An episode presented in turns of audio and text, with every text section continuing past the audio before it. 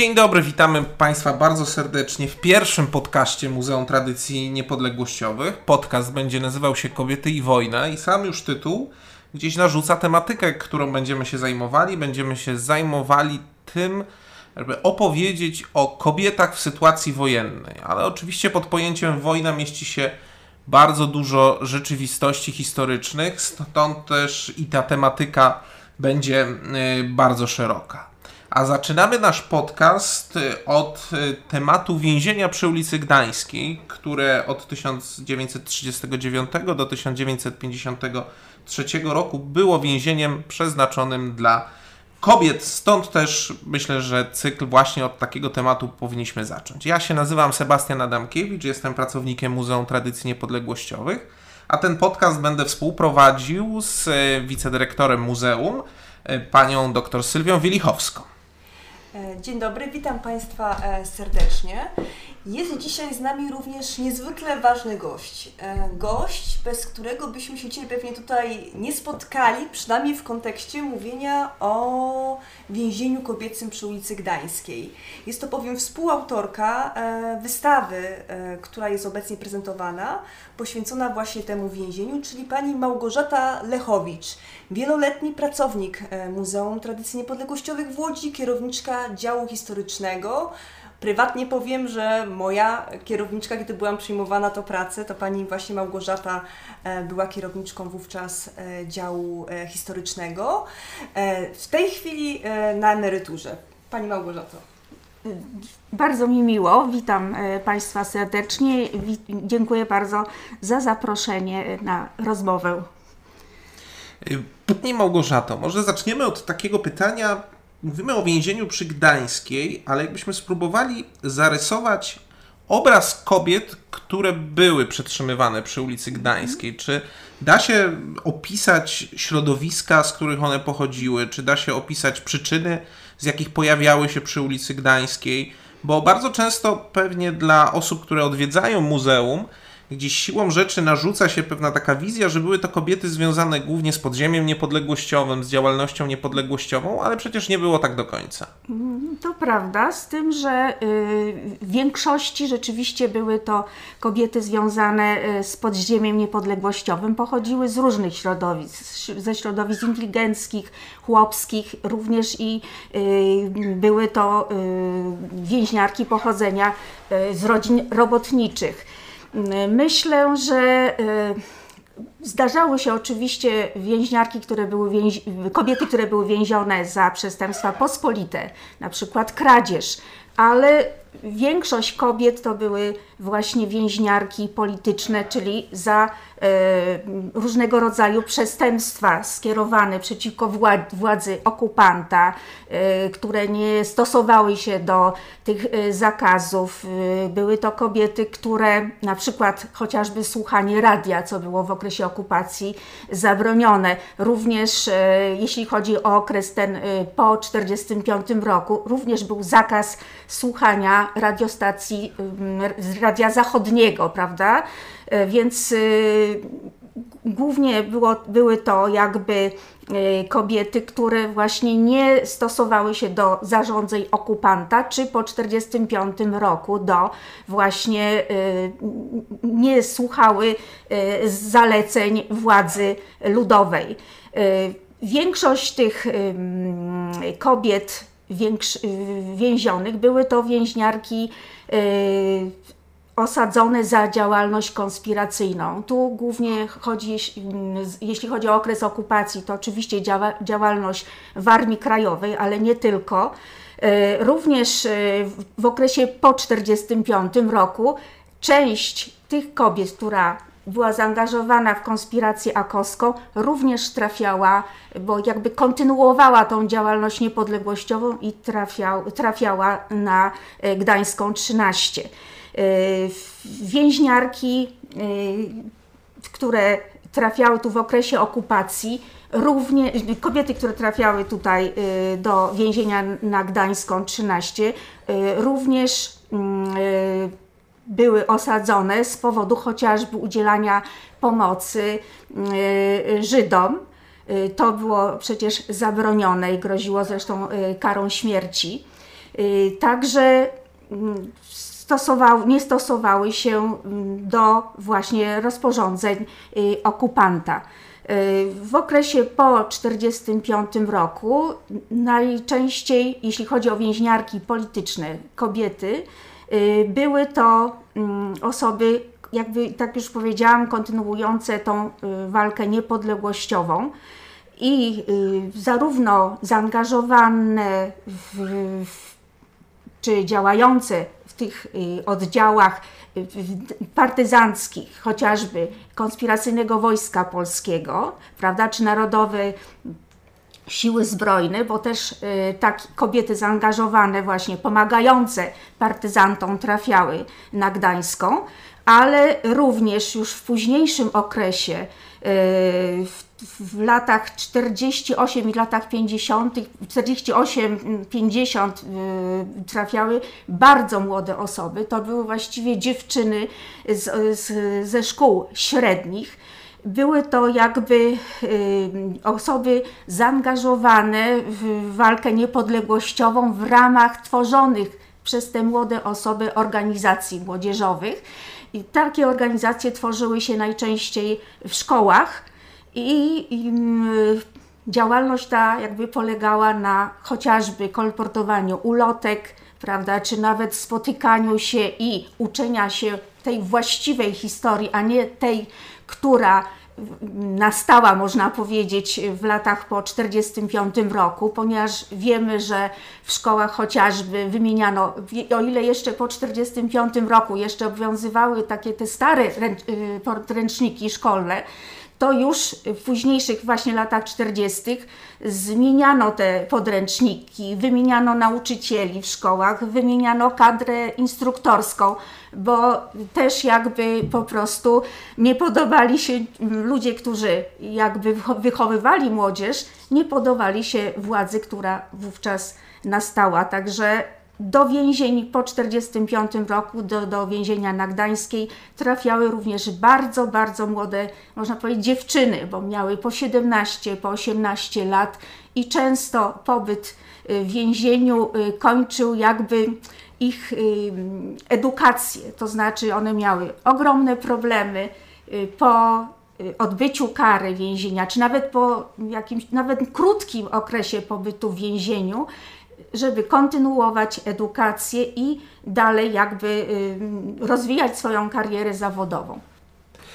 Y, Sylwio, ale mm, nasuwa się w takim razie pytanie, czy w rzeczywistości łódzkiej, w której funkcjonujemy, jest świadomość istnienia takiego więzienia i tak ogromnej tragedii, jaką spotkała kobiety w czasie II wojny światowej i po jej zakończeniu?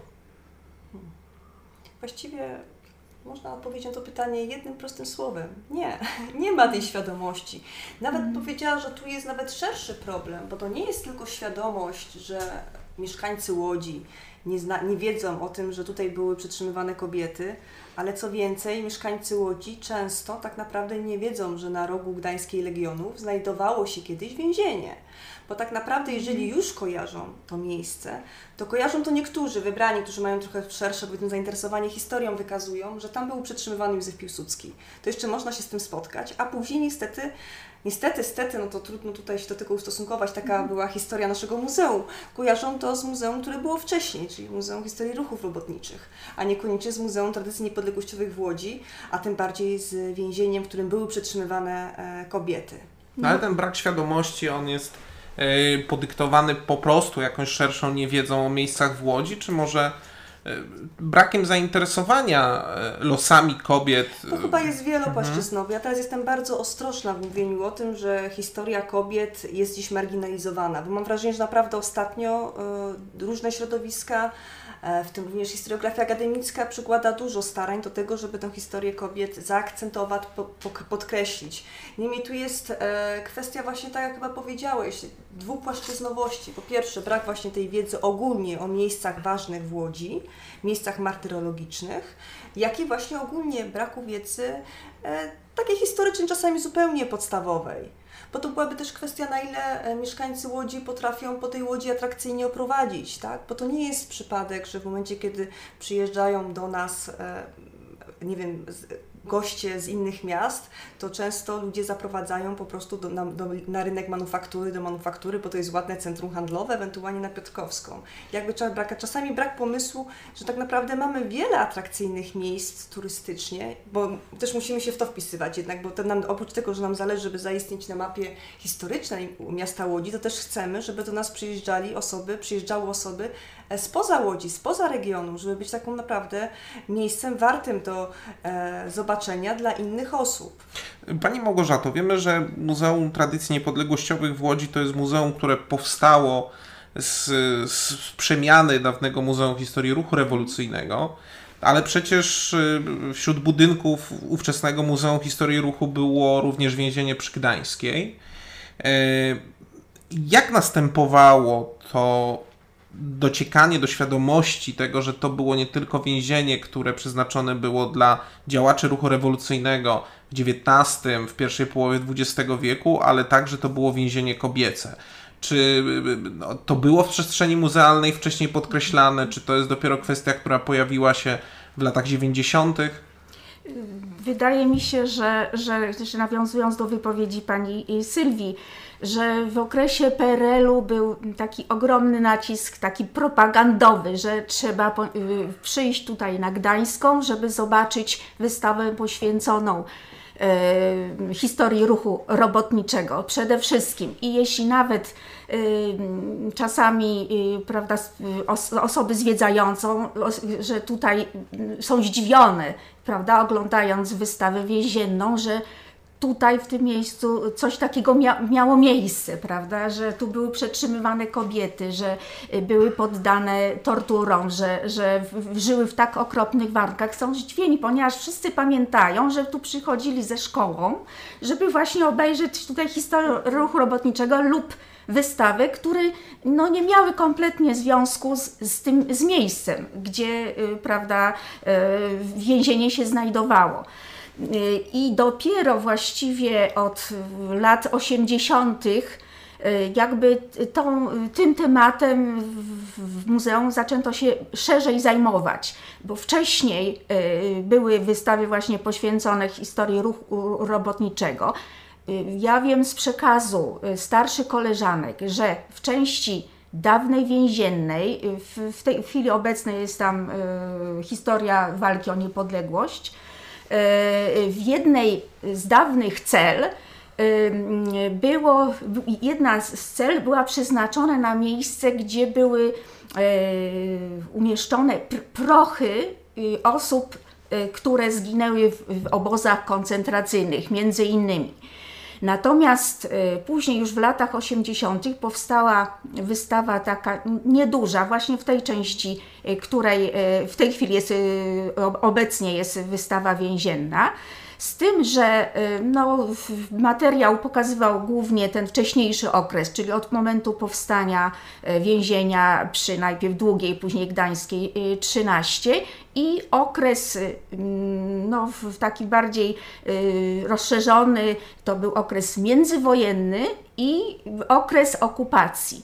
Natomiast no, nie było zupełnie na wystawie, o czym się kompletnie nie mówiło w ogóle, to nie istniało zupełnie, że istniało więzienie na, na Gdańskiej po 1945 roku i że w tym więzieniu przebywały właśnie kobiety.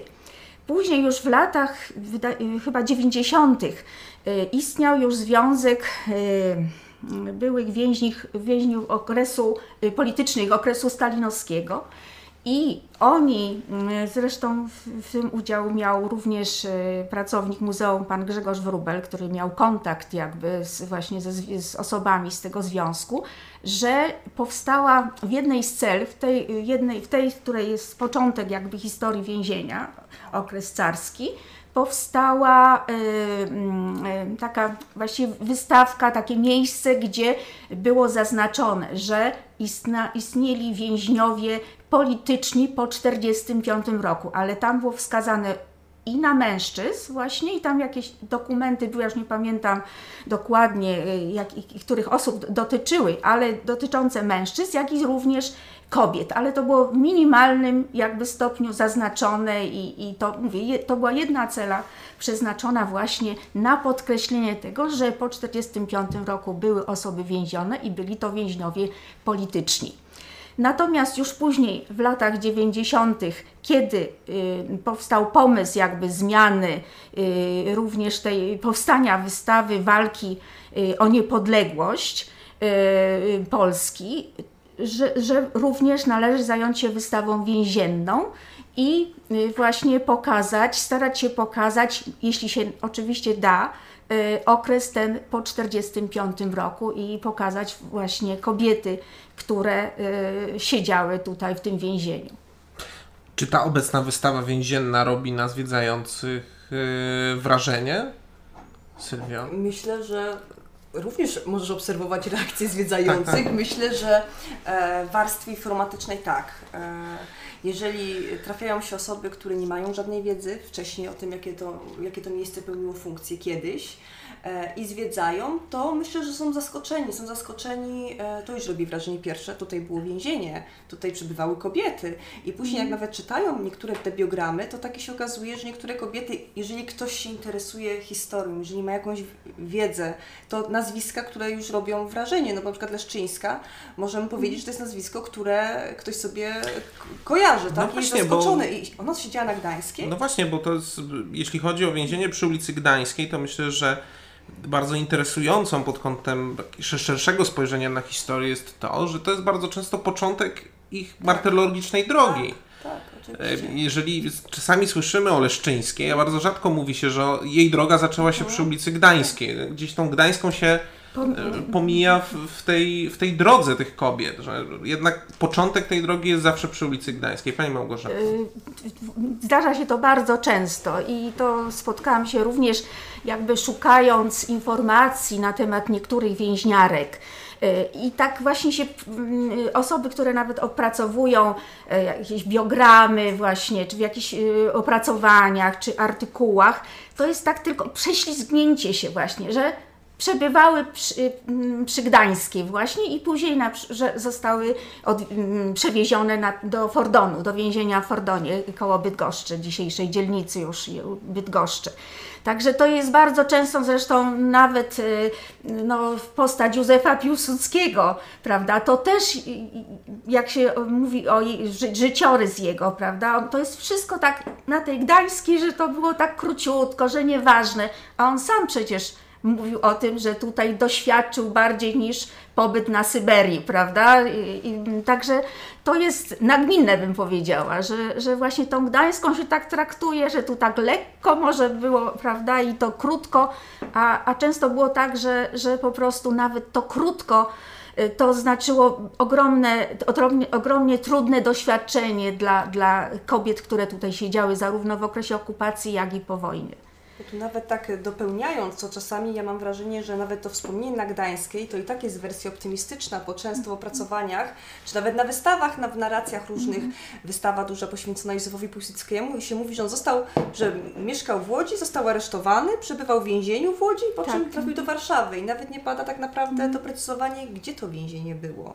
E, już nie mówiąc tak samo, jak Pani powiedziała, tutaj też może adwocem e, tych kwestii e, warunków, jakie tutaj banowały w więzieniu, że to właśnie było tak naprawdę, nie było lekko, to ja od razu muszę o tym wspomnieć, bo mi to się przypomina rozmowa z więźniarką właśnie po 45, która przebywała w więzieniu, z panią Teresą e, Darską, e, która e, po, po pobycie na Gdańskiej trafiła do Fordonu i dla niej właśnie to więzienie na Gdańskiej ze względu, ona mówiła konkretnie na taki pogardliwy stosunek obsługi więziennej, jakie był do więźniarek, dla niej to było o wiele cięższe, mimo że relatywnie patrząc spędziła tam wiele mniej czasu niż później w Fordonie, niż niż właśnie w Fordonie, gdzie one stworzyły z innymi więźniarkami, udało się jakoś stworzyć taką grupę wsparcia, to dla niej Gdańska była strasznie e, trudnym przeżyciem pobyt na więzieniu na Gdańskiej.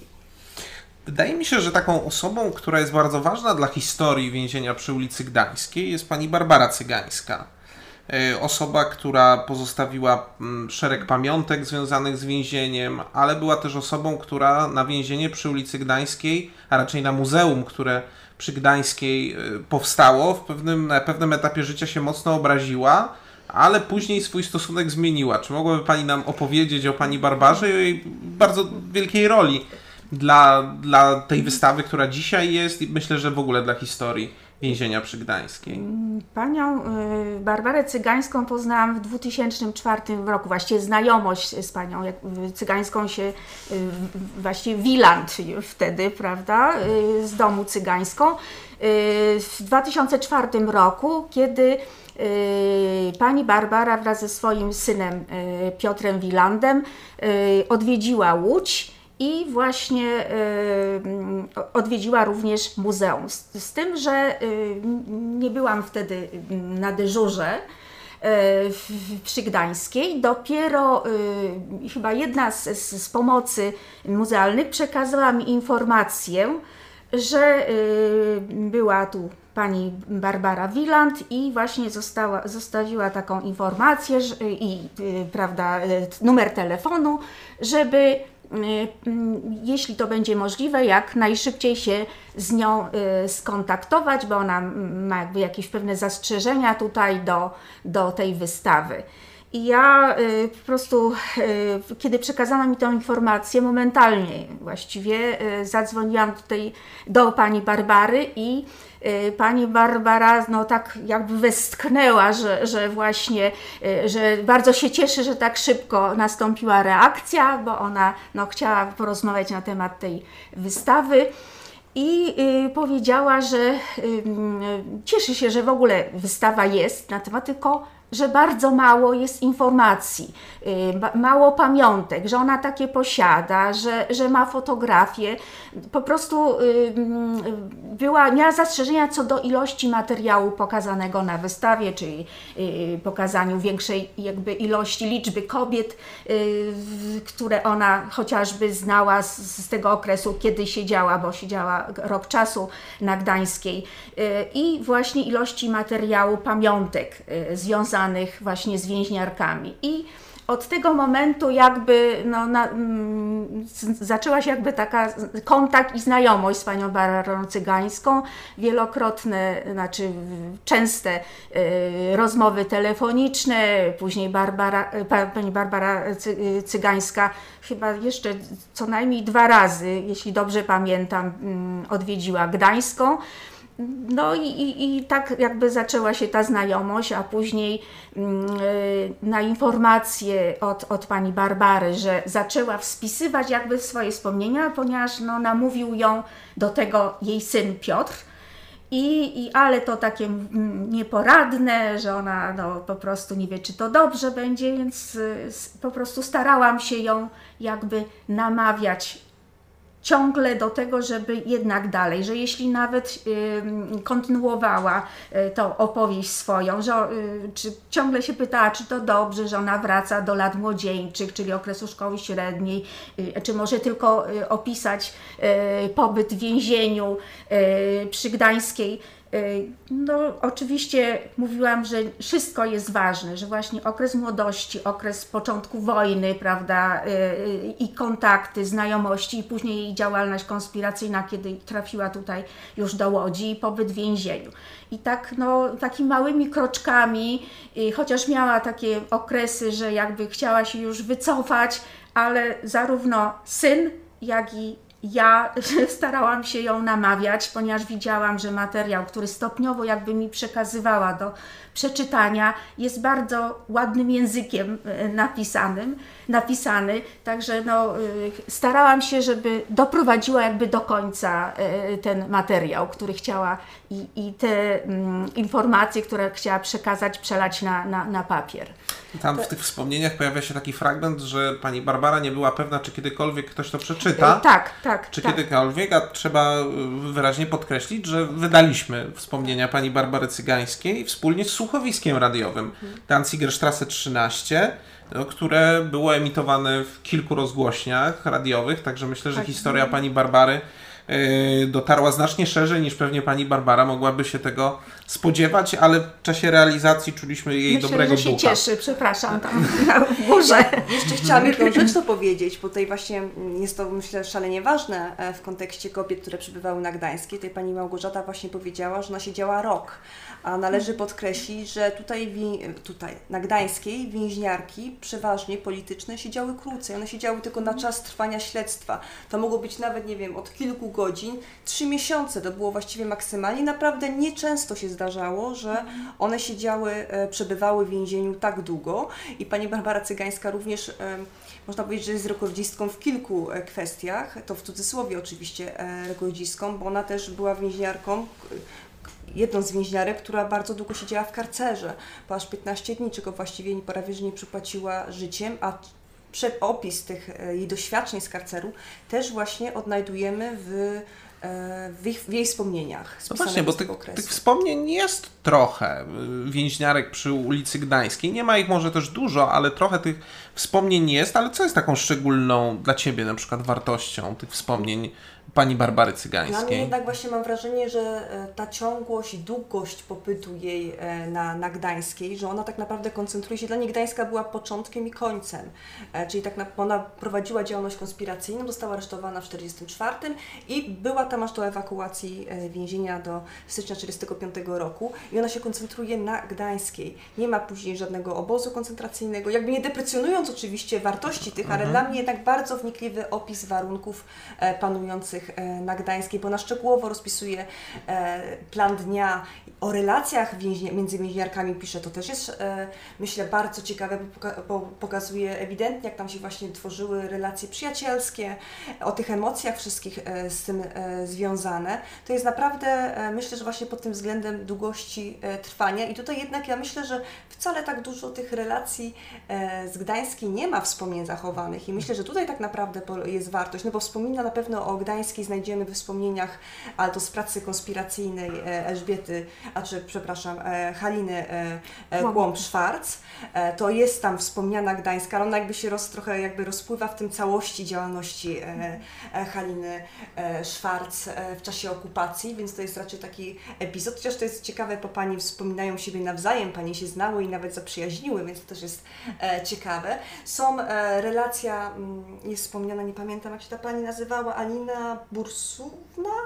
Amelia. Amelia, Amelia, tak, ona również Pracownik e, Biblioteki Uniwersyteckiej. wspominała właśnie w tym tutaj o, o, o Gdańskiej i mam wrażenie, że takich wydanych, bo ja nie mówię to, co powiedzmy trafiło do nas na Gdańską w formie rękopisów, ale wydanych tak, żeby szerszym kręgu można było się z tym zapoznać, nie ma tego za dużo. Teraz e, Alina Dąbrowska. Tak, E, Alina Dąbrowska, ki- tak. Kilka też e, dość świeże Tak. e, wspomnienie, które zawarła, ale to też jest element. Tak? Gdańska jest też elementem jej drogi, bo później są kolejne obozy koncentracyjne i też niedawno wyszła książka, która mówi z kolei o, zawiera wspomnienia z obozu na Przemysłowej i tam jest relacja z gdańskiej dziewczynki, która trafiła e, na Gdańską, zanim później trafiła chyba na Przemysłową, to najpierw była na Gdańskiej.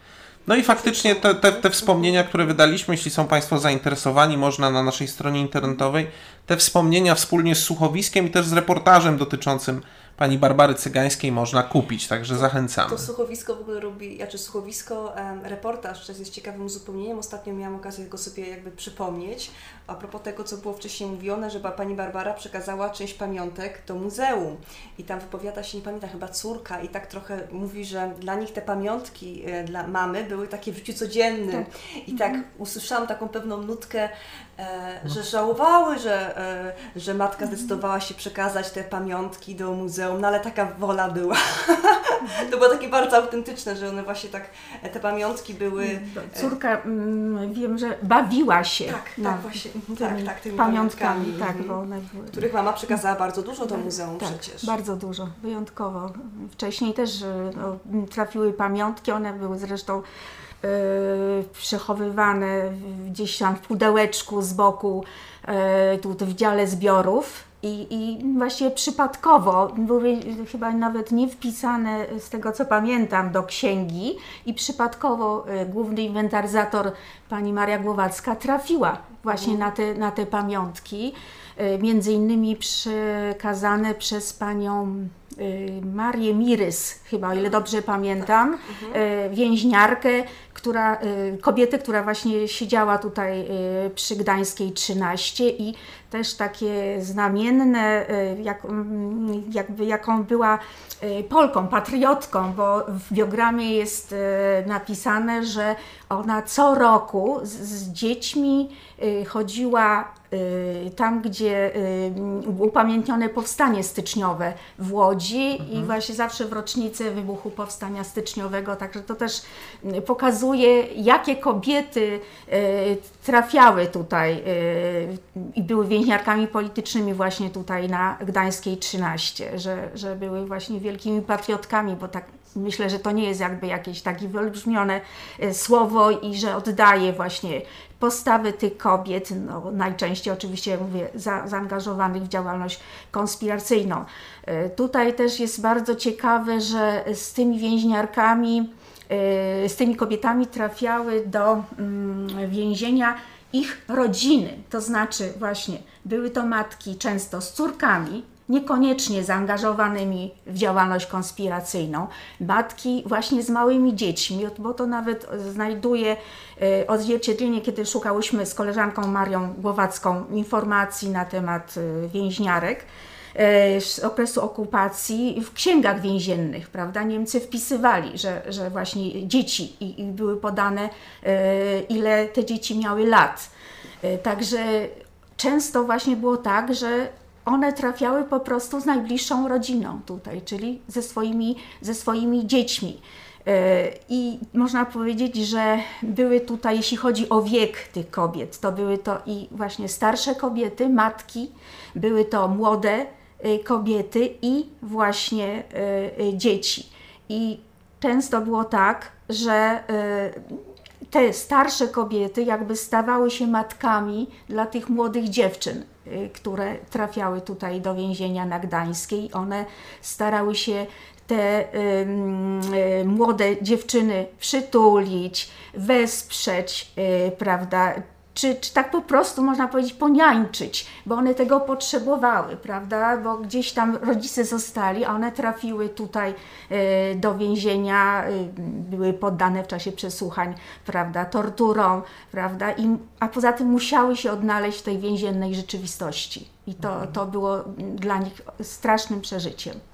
No właśnie, to nasuwa się samo pytanie, o najbardziej wzruszającą historię więzienną, bo mamy szereg takich historii więziennych, szereg osób, które y, to więzienie przeszły i już samo to, że były matki z dziećmi i bardzo młode dziewczyny i, i też starsze kobiety już doświadczone życiem, no to siłą rzeczy są to też y, jakieś indywidualne historie. I które dla Pani te najbardziej wzruszające momenty, wzruszające historie zapadły w pamięć? Właśnie zastanawiałam się y, jeszcze w domu nad tym. Y, myślę, że było ich bardzo dużo. Y, no tutaj mm, pani Barbara Cygańska no, opisała wiele takich sytuacji też w swoich wspomnieniach, ale no, ja pamiętam troszeczkę, ona nie jest jakby eksponowana na, na wystawie, postać y, pięknej dziewczyny y, mm, Bronisławy Zaborowskiej, właściwie w okresie okupacji mającej, posiadającej znaczy konspiracyjne nazwisko Waleria mm, Kamińska, która pochodziła z Warszawy, mm, ogromnych talentów literackich, plastycznych, studentka architektury, wcześniej zresztą no, w okresie szkoły średniej zaangażowana w harcerstwo. Y, część tych informacji pochodzą, ja w tej chwili nie pamiętam autora, z takiej zbeletryzowanej opowieści o, o tej postaci. E, I ona trafiła, została aresztowana e, w 1942 roku, o ile pamiętam, e, trafiła do Łodzi, ponieważ w, Warszawie jakby spaliła się po prostu w tym sensie, że, że no mogła być jakby przez, przez gestapo zatrzymana i trafiła tutaj do Łodzi, była przez jakiś czas y, y, szefową y, łączniczek Kedywu i została zatrzymana w, w, czasie przekraczania granic z generalną gubernią. Trafiła tutaj mm, na Gdańską. Najpierw oczywiście przesłuchiwana w, w okropny sposób, torturowana. W czasie jednego z tych przesłuchań zażyła truciznę, ale prawdopodobnie ta trucizna była zwietrzała i spała, zasnęła, ale nie pamiętam no, po, po dobie, czy, po, czy dwa, nawet dwa dni to trwało, e, obudziła się. Czyli ta trucizna jakby no, nie, za, nie zadziałała mhm. całkowicie i obudziła się. I tutaj lekarka, tak przynajmniej no, z tego przekazu wiem, że y, opiekowała się, bo tu na Gdańskiej w okresie okupacji nie było lekarza z prawdziwego zdarzenia, tylko jakiś felczer, nie felczer, no ktoś tam, prawda, tyle, że, że czasem jakieś opatrunki, ale to też niekoniecznie wykonywał właściwie swoje obowiązki wobec więźniarek. I opiekowała się jedna z więźniarek lekarz jakoś do, doprowadziła, gestapowcy chcieli bardzo szybko ją y, wysłać do Auschwitz, ale Yy, lekarka i część chyba strażniczek nie chciały, opóźniały jakby moment odesłania jej do więzienia koncentracyjnego. Okazało się, yy, że kiedy Bronisława Zaborowska jakby doszła już do siebie, odzyskana tyle siły, że, ma, yy, że, że potrafi, yy, ma talent plastyczny i wyko potrafiła wykonać właśnie tego typu pamiątki, jakieś tam zabawki, prawda? Również i pięknie rysowała. Kiedy zobaczyły to strażniczki, przynosiły jej materiał do, do tego, żeby mogła rysować, żeby mogła wykonywać portrety dla właśnie y, czy, czy dzieci tych strażniczek, czy no, dla innych osób. I również szyła zabawki, właśnie, które y, strażniczki no, chciały zanieść swoim, przekazać swoim dzieciom. I tak długo zwodziły strażniczki gestapowców, Y, że jeszcze ona nie czuje się najlepiej, prawda, że jeszcze no, nie, jest w stanie, nie, nie jest w takim stanie, żeby można ją było odesłać do, do Auschwitz, y, że y, y, Bronisława Zaborowska przebywała przy Gdańskiej też rok czasu, nawet i przeszło chyba, to tak wynikało tam z księgi więziennej. No i niestety już po tym roku czasu nie udało się już jakby tak oszukiwać gestapowców i została wysłana do Auschwitz i tam niestety zmarła. Także to też taka ciekawa historia, y, w sensie tak, a jeszcze jedno, że w naszych zbiorach mamy właśnie portret wykonany przez y, Bronisławę Zaborowską, zresztą podpisany Wala, ponieważ jej pseudonim, których, pseudonim, których używała w konspiracji to był Ania Wala i podpisany jest Wala, stąd z koleżanką właśnie Marią Głowacką doszliśmy do wniosku, że jest to portret wykonany właśnie przez Bronisławę Zaborowską. Później trafił jeszcze, już w trakcie, jak był, ten portret był w zbiorach już, yy, przekazany właśnie przez jedną z więźniarek, natomiast yy, w, w, któregoś dnia zgłosiła się osoba z rodziny, chyba yy, dobrze pamiętam, Filipczyńskich, która właśnie powiedziała, że w zbiorach rodzinnych istnieje portret namalowany, y, narysowany przez jedną z więźniarek y, na podstawie zdjęcia, którego ta, które ta więźniarka miała przy sobie, będąc w więzieniu. I ten portret właśnie trafił również właśnie do zbiorów muzealnych i to jest portret na, też narysowany właśnie przez, przez Bronisławę Zaborowską, konspiracyjnie Walerię Kamińską. Tak, także jest to również no, bardzo ciekawa historia. Takich historii no, było mnóstwo, to, to trzeba było właściwie sobie przygotować kolejne y, jakby y, biogramy, y, chwilę się zastanowić i, i, można było bardzo dużo opowiedzieć na, na temat właśnie tego życia w więzieniu, takich tych przyjaźni, sposobu jakby, mm, które więźniarki znajdowały na to, żeby przetrwać, po prostu przetrwać. Tu chodziło cały czas po to, o to, żeby, żeby przetrwać. Stąd y, to nawet jest we wspomnieniach y, pani Barbary Cygańskiej, że prawda, żeby przetrwać, to właśnie trzeba było dbać o higienę osobistą, to znaczy po, ra, po obudzeniu się, jeśli w ogóle ktoś mógł spać w takich warunkach, prawda, uczesać się, wyczesać wszy z włosów, prawda, y, mm, zadbać o, sie, o siebie na tyle, ile się mogło w tych warunkach zadbać, bo to jakby y, trzymało je przy życiu, pozwoli, pozwalało przetrwać czy y, dotrwać do następnego dnia. Także to było bardzo, bardzo istotne, bardzo ważne. No, istniało wiele jeszcze innych, yy, prawda, tutaj można dużo pisać o tym, mówić o tym, zresztą napisała Pani i opisała Pani Cygańska właśnie yy, wszystkie działania, które służyły temu, żeby przetrwać, żeby się trzymać razem i żeby właśnie przetrwać. Sylwia, dla Ciebie najbardziej wzruszająca historia? To jest bardzo podchwytliwe pytanie i naprawdę no, trudno na nie mhm. odpowiedzieć. Mi się zaraz chyba tak przypomina bo już oczywiście nie mówię o tych tragicznych historiach, no osobach, właśnie. które zostały po prostu rozstrzelane. Pomyślałam o e, Marii Eugenii Jasińskiej, która została przebywała w Gdańskiej, potem została stracona i nawet jej ciała rodzina nie dostała, nie zostały odnalezione.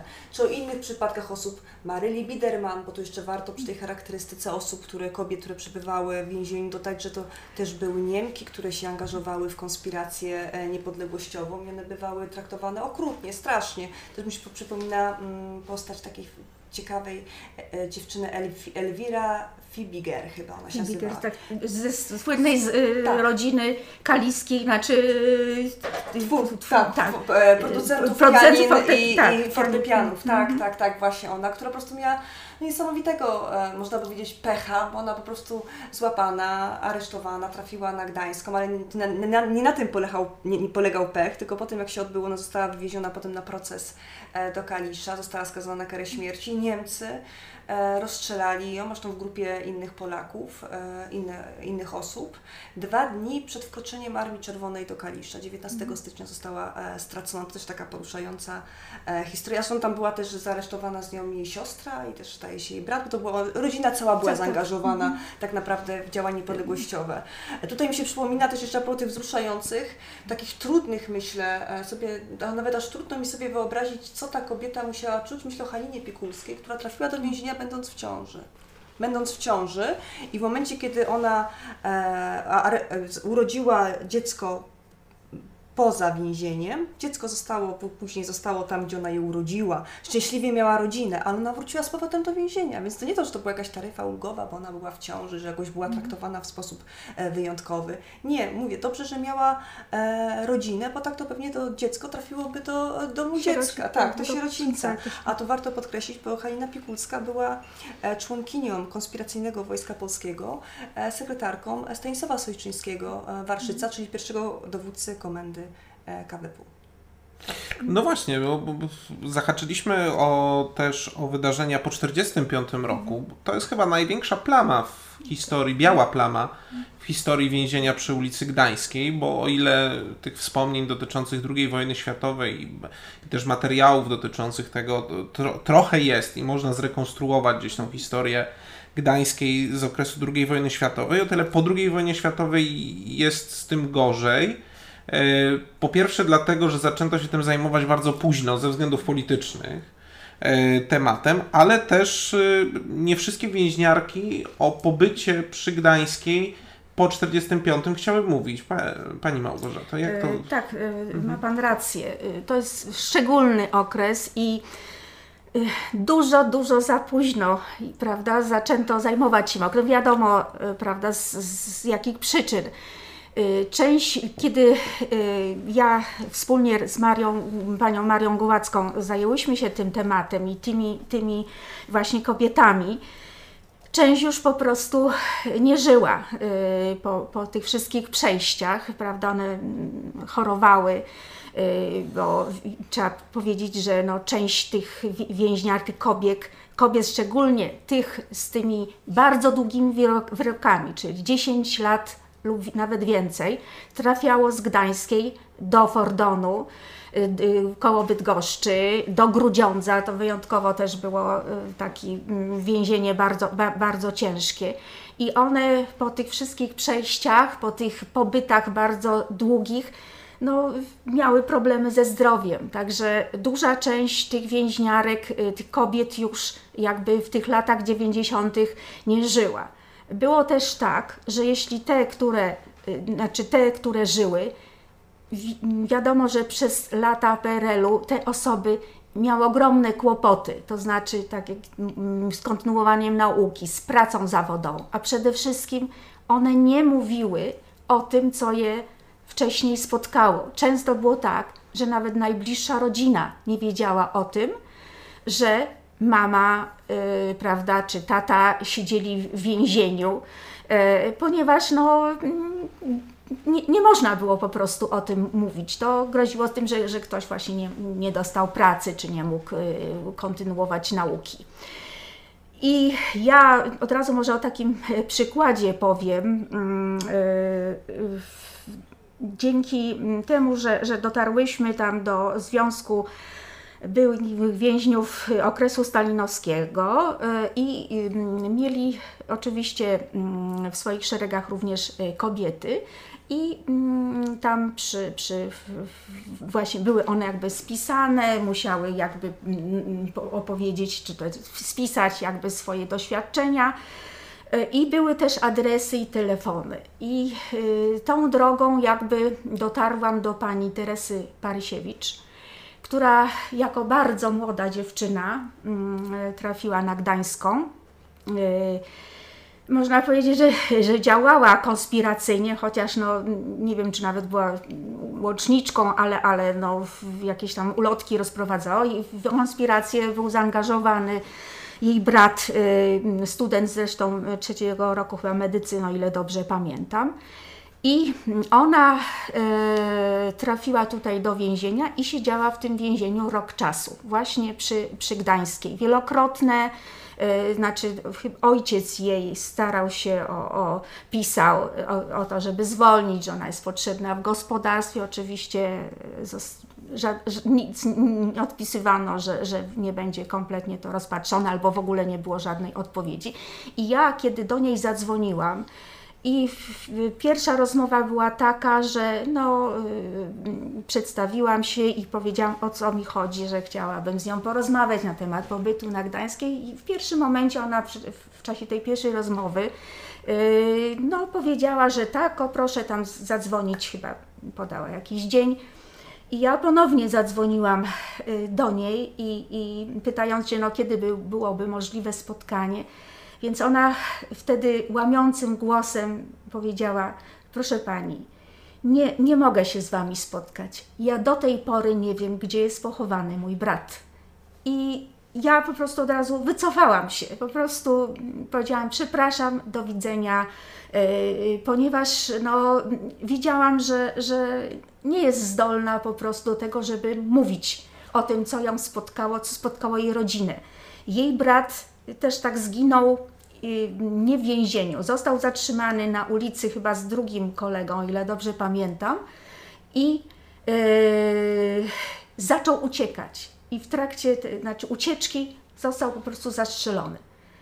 Gdzie został pochowany, czy jak to prawda, teraz się właściwie określa, wrzucony prawda, do dołu, nie wiadomo. I ona właśnie przez telefon do mnie powiedziała: Proszę pani, ja do tej pory nie wiem, gdzie jest pochowany mój brat. I rozmowa po prostu się y, zakończyła, i ja już nie śmiałam po prostu ponownie do niej dzwonić, y, ponieważ no, mm, widziałam, że dla niej jest to ogromne przeżycie. Y, z tego, co później udało mi się informacji znaleźć na jej, na jej temat, więc no, zresztą są dokumenty, myśmy tam dotarły z, z panią Marią Głowacką do teczki jej, prawda, w, w, w archiwum IPN-u. I no, tam są bardzo ciekawe dokumenty, między innymi o tym, y, jak, jak to jest y, jej jakby opis jej zachowania, że jest krnąbna, że, że nie ma nadziei na to, na to, żeby ona jakby się zmieniła i tak dalej. Bardzo ciekawe dokumenty. I e, już mówię więcej, nie, nie, nie próbowałyśmy do niej dotrzeć. Wiem tylko, że później udało jej się zakończyć szkołę. Ona miała 17 lat, jak trafiła e, do więzienia. Udało jej się skończyć chyba wieczorowo szkołę w liceum w, w Chrobrego e, w Piotrkowie Trybunalskim. Później również studia e, też za, zaocznie. Natomiast no, z, tej pierwszej rozmowy z nią e, czuło się, że, że miała ogromną taką, że te przeżycia e, więzienne i to, co ją spotkało, były traumatyczne dla niej. I to przede wszystkim, że nie wiedziała, gdzie pochowany jest jej brat. To dla niej było to no, straszną sprawą i, i dlatego nie była skłonna jakby dalej y, prowadzić rozmowy ze mną. Te kobiety, które po 1945 roku były osadzone przy ulicy Gdańskiej, to też jest y, bardzo, dużo bardzo duża kompilacja różnych losów, bo tam były i mhm. kobiety, które, tak jak wcześniej pani wspomniała, bardzo młode dziewczyny, które tam trafiały z różnych organizacji młodzieżowych. Y, tam była między innymi też Zofia Dwornik, która została osadzona za tak zwane kłamstwo katyńskie. Znaczy zarzucono jej, że ona tak. przypisuje mhm zbrodnię katyńską e, Sowietom, e, wbrew oficjalnej propagandzie, ale były też członkinie PSL-u, e, no i czynnej konspiracji partyzantki, tak? Tak, oczywiście. No, były kobiety mówię, dojrzałe już, ale mhm. tak jak podobnie jak i w okresie okupacji. Te, które w okresie oku, okupacji były zaangażowane chociażby y, w, w, działalność Armii Krajowej, tutaj można podać przykład pani Marii Śpiewak, y, prawda, szwagierki y, Adama Trybusa, szefa Kedywu, o ile dobrze pamiętam. E, I, i jak i również te kobiety, które właśnie po wojnie e, chociażby e, był, pomagały, były w szeregach chociażby konspiracyjnego Wojska Polskiego, czy Zrzeszenia Wolność i Niezawisłość. Tutaj należy podać właśnie też przykład pani Haliny Rytel-Walickiej, e, której córka do nas dotarła tam na Gdańską i właśnie opowiedziała o, o mamie też niesamowita historia mąż pani Haliny został rozstrzelany. Natomiast ona była, ona trafiła tutaj na Gdańską z Warszawy, z, z ulicy Koszykowej, tam zresztą urodziła z tego co wiemy od, od córki właśnie córkę. I miała bardzo ciężki poród wiemy od, od właśnie córki i e, trafiła tutaj na Gdańską 13, e, a później do Fordonu. Na szczęście, tak jak tu pani Sylwia wspomniała, jeśli chodzi o panią Halinę e, Pikulską, że jeśli chodzi o dzieci, to tak jak w, w, tym czasie to było, to znaczy tak między innymi film Przesłuchanie Ryszarda Bugajskiego to pokazuje, że jeśli ktoś z rodziny mógł zaopiekować się dzieckiem, chociaż nie zawsze, bo e, też wiem e, z, z, z biogramu odczytanego, się pamiętam w tej chwili, w którym wydawnictwie e, syna pani Haliny Pikulskiej, że jego dziadek przekupił chyba, jeśli chodzi, chyba osoby, które pracowały w domu dziecka i dzięki temu syn Haliny Pikulskiej był wychowywany przez dziadków. Natomiast y, często było tak, że jeśli ktoś nie miał, nie miał się kto z rodziny zająć dzieckiem, to trafiło, trafiało ono, tak jak pani Sylwia powiedziała, do sierocińca, jak to się mówiło, domu, domu dziecka po prostu. I to były ogromne tragedie dla tych kobiet. A poza tym rozstanie, nawet jeśli zajęli się y, dzieckiem dziadkowie, tak jakby mm, babcia w przypadku y, Haliny Rydel-Walickiej, to trwało to bardzo długo. E, I roz, y, nie, niewidzenie swojego dziecka przez tak długi okres czasu było no, dla matki strasznym przeżyciem. E, syn Haliny Pikulskiej mm, opowiadał, że raz pojechał z babcią do Fordonu i udało się jakby zobaczyć y, matkę y, i raz udało się Halinie jakby przytulić czteroletniego synka do siebie. I mm, to było niesamowite przeżycie zarówno dla matki, jak i dla tego synka, bo on jakby no, całe życie pamiętał właśnie ten moment, kiedy przyjechał z babcią do Fordonu i zobaczył swoją matkę po, po tak długim okresie czasu. Tu jest ciekawa też sprawa, bo właściwie tak jak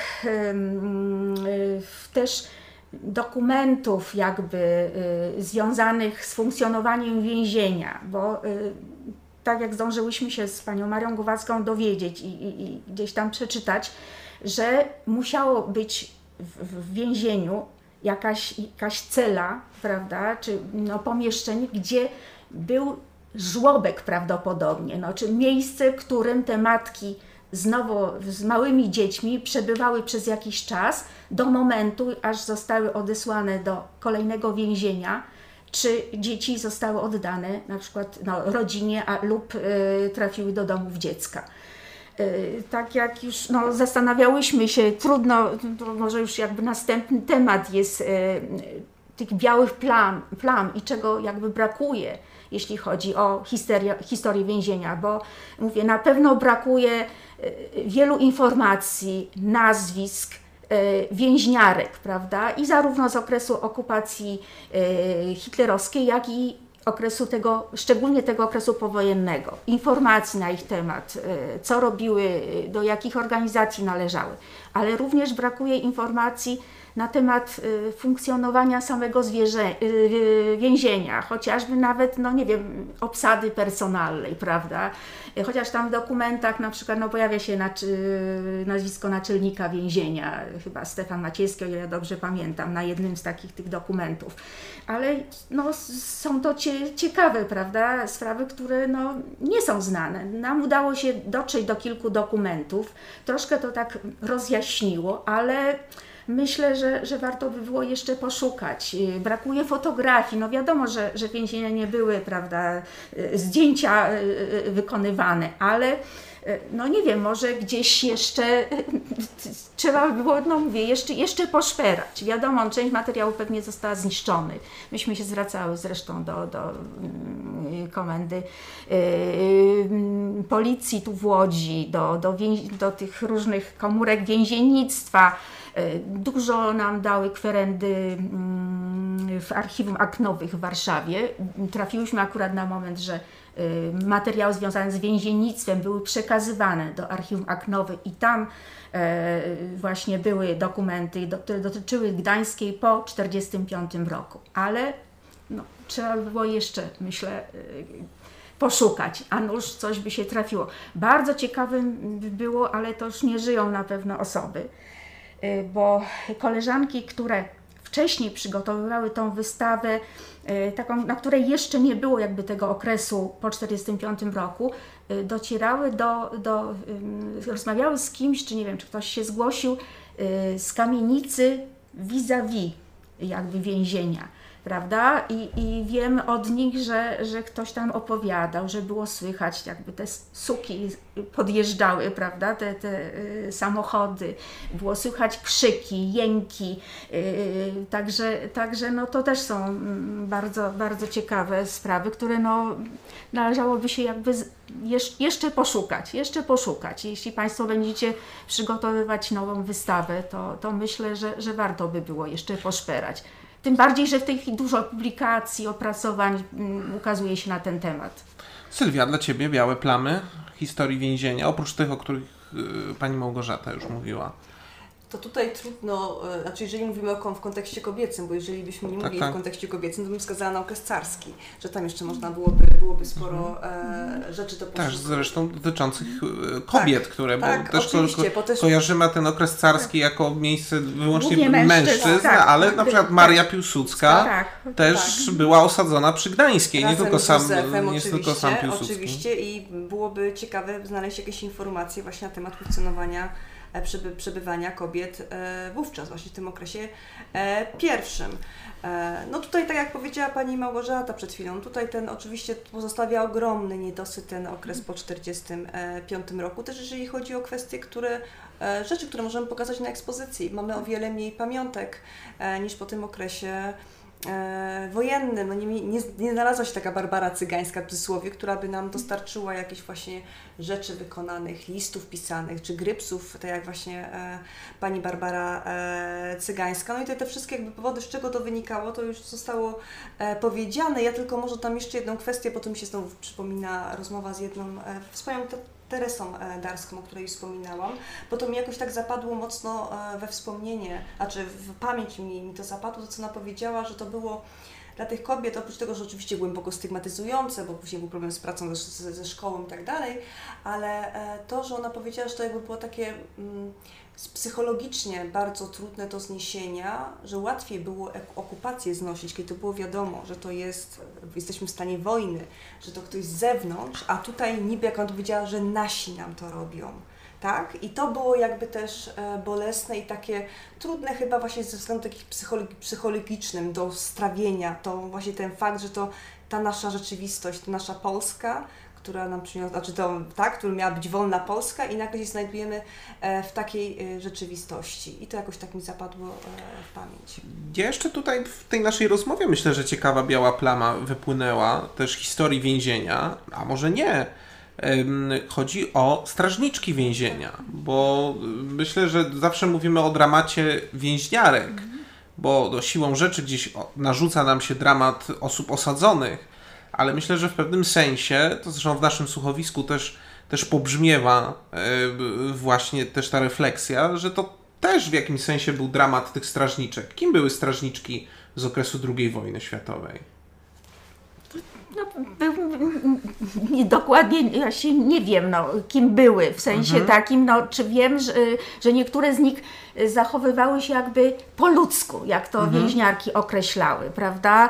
E, e, czy tu chociażby wychodzi sprawa mm, przy, przy mm, Bronisławie Zaborowskiej, prawda? Że zgodziły się za to, że ona prawda, wykonywała zabawki dla ich dzieci, czy malowała portrety, że dostawały więźniarki większe racje mhm. żywnościowe. To, to, to wiem. E, także, ale były też takie strażniczki, które no, w, straż, w okropny sposób się zachowywały wobec, wobec więźniarek i y, nie były y, im jakby przychylne, prawda, jeśli w ogóle można ta, tak powiedzieć. Że, że no, współpracowały jakby z, razem z Gestapo i, i, i tutaj no, ich zachowanie wobec więźniarek no, nie było ludzkie, nie było ludzkie. Wiadomo na tym etapie badań, czy to były łodzianki, czy to były osoby pochodzące spoza tego, Łodzi? Tego nie zbadałyśmy. Jest y, jedna fotografia y, więziaki, to chyba z początkowego okresu y, funkcjonowania więzienia w okresie okupacji. Dora Relich tam jest i z tego co wiem, to ona była taką życzliwą strażniczką. Natomiast dokładnie nie wiemy. Właśnie to też jest warte y, zbadania. Właśnie mhm. strażniczki, które y, tutaj y, były na Gdańskiej. Również nie wiemy nic na temat właśnie tej obsady personalnej, jeśli chodzi o okres po 1945 rok, roku. Tu tylko właśnie to, to nazwisko naczelnika, ten Maciejewski chyba, o ile dobrze pamiętam nazwisko, z tym, że on był jakby naczelnikiem, bo to było y, Kopernika i mhm. podlegała, prawda, Gdańska jako miejsce, gdzie prze, prze, przede wszystkim były więźniarki polityczne. Natomiast i, i kto był, y, jakie strażniczki były, jak one się nazywały, no to, to już jeszcze... nie wiemy. To już jest też do, do zbadania. Można mhm. przypuszczać, że na Gdańskiej w czasie wojny być może, tak powiem, mm. podobnie na Radogoszczu, był po prostu Volksdeutschki. Bo nawet na, czasami nazwiska i tu też e, była krótko, e, krótki okres, ale była e, E, w, jakby w tej obsłudze więzienia była Sydonia Bayer, która tak. później zasłynęła w cudzysłowie, tak, mhm. w obozie dziecięcym na Przemysłowej, niezwykle okrutnym e, traktowaniem e, dzieci. Sadystycznym. Sadystycznym wręcz, że ona później spotkała, bo została tak. osądzona i została stracona po 1945 roku. Jeszcze przypomina mi się właśnie tutaj pod potwierdzenie jakby tych słów, które Pani Małgorzata przed chwilą powiedziała, rozmowa z jedną z więźniarek, Walentyną Ignaszewską, Nikodem, chyba tak. I ona wspominała niejaką Kaufmanową, ja nie wiem, Tak, właśnie i ona właśnie mówiła jako tą taką pozytywną bardzo osobą, bo z kolei narzeczony pani Walentyny e, został osadzony na Radogoszczu, a właśnie ta strażniczka miała e, męża, który był e, wachmanem na Radogoszczu i dzięki właśnie tej strażniczce udawało jej się przekazywać wiadomości e, narzeczonemu, więc taka relacja też się e, zachowała. I jeszcze, że powiedziawszy z tych relacji mam wrażenie, że jakoś bardziej ponury i mroczny obraz tej obsługi więziennej wyłania się po 45 niż, to jest takie zadziwiające, ale naprawdę niż właśnie w tym okresie wojennym, a po prostu tutaj się relacje zachowały takie. Tak, no właśnie. No to może nie wszystkie chciały kobiety mówić. No dobrze, to kończąc już pi- pi- pierwszy odcinek naszej rozmowy o, o kobietach i wojnie, jakie w takim razie doświadczenie wojenne wypływa z historii więzienia przy Gdańskiej? To doświadczenie, kobiece doświadczenie wojenne. Co jest taką cechą charakterystyczną? Bo ja na przykład czytając różne wspomnienia, czy czytając wspomnienie Barbary Cygańskiej, czy Aliny Dąbrowskiej, zobaczyłem jedną rzecz wspólną, bo te kobiety siedziały w różnym czasie, w różnym okresie funkcjonowania więzienia przy Gdańskiej, ale jedna rzecz ich łączyła, to znaczy niezwykła troska o rodzinę. O rodzinę i zmartwienie się, co się dzieje u rodziny. To, to, to też wynikało z grypsów, które one pisały, z treści tych grypsów, że właśnie ta troska o rodzinę i to poczucie bliskości z rodziną było strasznie ważne. I to z mojej perspektywy jest na przykład takie ciekawe doświadczenie kobiece. Też ten fakt zostawiania jakichś pamiątek po sobie, tego mężczyźni na Radogoszczu na przykład nie doświadczyli jakiegoś takiego, takiej wspólnoty. E, No i myślę, że takim doświadczeniem, które też gdzieś we wspomnieniach, to jest e, gdzieś też przez wspomnienia przenika i jest widoczne, no to są jednak te, ta, ta strefa higieniczna, biologiczna u kobiet, która no, jest zdecydowanie inna i, i wiąże się z innymi e, uczuciami odczuciami. Co dla Pani jest takim doświadczeniem wojennym? Dla mnie, znaczy to już nawiązując do y, wypowiedzi Pana, y, przypomniała mi się historia między innymi, znaczy pani Marii Śpiewak, która siedziała po wojnie i y, ta jej myśl, y, ona w ogóle źle, źle znosiła z tego co wiem pobyt w więzieniu, ten nawet późniejszy, bo ona kilkakrotnie była przewożona, bo to te sprawy się toczyły, więc y, i do Fordonu, i w, Grucio, i w Grudziądzu przebywała. I, I ona jak była tutaj, bo ja z nią osobiście rozmawiałam e, i mówiła, że bardzo źle znosiła myśl, nie wiedziała, co się dzieje z jej synem. E, Miała male, male, bardzo małego e, synka, e, który został w Piotrkowie z mężem i nie miała żadnych informacji. I teraz nawiązując jeszcze tutaj do obsługi więziennej, e, powiedziała, że, że przez jednego z, z, ze strażników więziennych, więc nie wiem, czy też tu byli po 1945 roku mężczyźni jako, jako e, strażnicy, e, udało jej się, on jakby zobowiązał się, że dowie się, prawda, co się dzieje tam w rodzinie. I dzięki niemu uzyskała informacje o, o właśnie e, swoim synku. Ale to, to co, co Pan powiedział przed chwilą, że to ta myśl, co się dzieje z rodziną, co się dzieje z matką, z mężem, co się dzieje z moimi dziećmi. E, Także to, to było bardzo ważne. Te doświadczenia to też było, oprócz tych traumatycznych oczywiście, cierpienia, e, to też e, zawiązane przyjaźnie e, w, czasie pobytu. E, One później część tych więźniarek, może nie wszystkie, nie, nie, nie wiem oczywiście o wszystkich, ale duża część jakby e, po wojnie trzymała się razem, to znaczy one się spotykały. Na przykład wiem, że w latach 70. yy, więźniarki, yy, kiedy była rocznica w styczniu wyzwolenia Łodzi, one się spotykały. One się spotykały y, i, i prawda, opowiadały o swoim życiu, y, prawda, jak, jak dalej po, już po opuszczeniu więzień, obozów y, wróciły do, do swoich rodzin. Także i one przez dłuższy czas, dopóki jeszcze ś- m, czuły się na siłach, były zdrowe, to one się co jakiś czas spotykały i to zarówno wypływa ze wspomnień pani Barbary Cygańskiej, jak i właśnie innych więźniarek, bo o, o tym wiem, że właśnie one jakby trzymały się razem.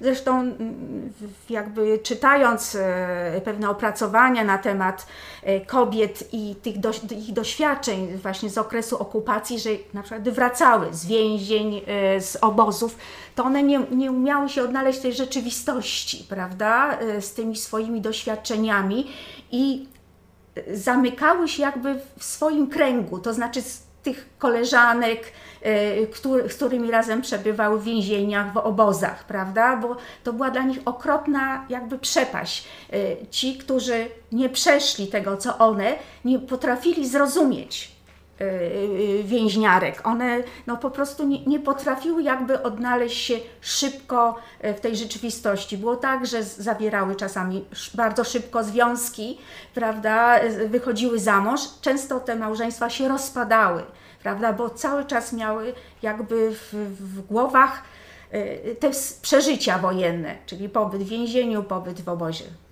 Sylwia, dla Ciebie takie doświadczenie wojenne? Znaczy tu oczywiście e, ta kwestia rodziny jest, jest bardzo ważna, ale już jakby tego nie będę e, podkreślać. Też uderza w narracjach, ale to ja nie wiem, bo to nie jest doświadczenie tylko kobiece. Myślę, że też, bo to zawsze nie można popadać w tą pułapkę. Mhm. Takie, takiego poczucia odpowiedzialności to bardzo wybrzmiewa w, też we wspomnieniach pani Barbary Cygańskiej, żeby nie wsypać, żeby się sprawdzić.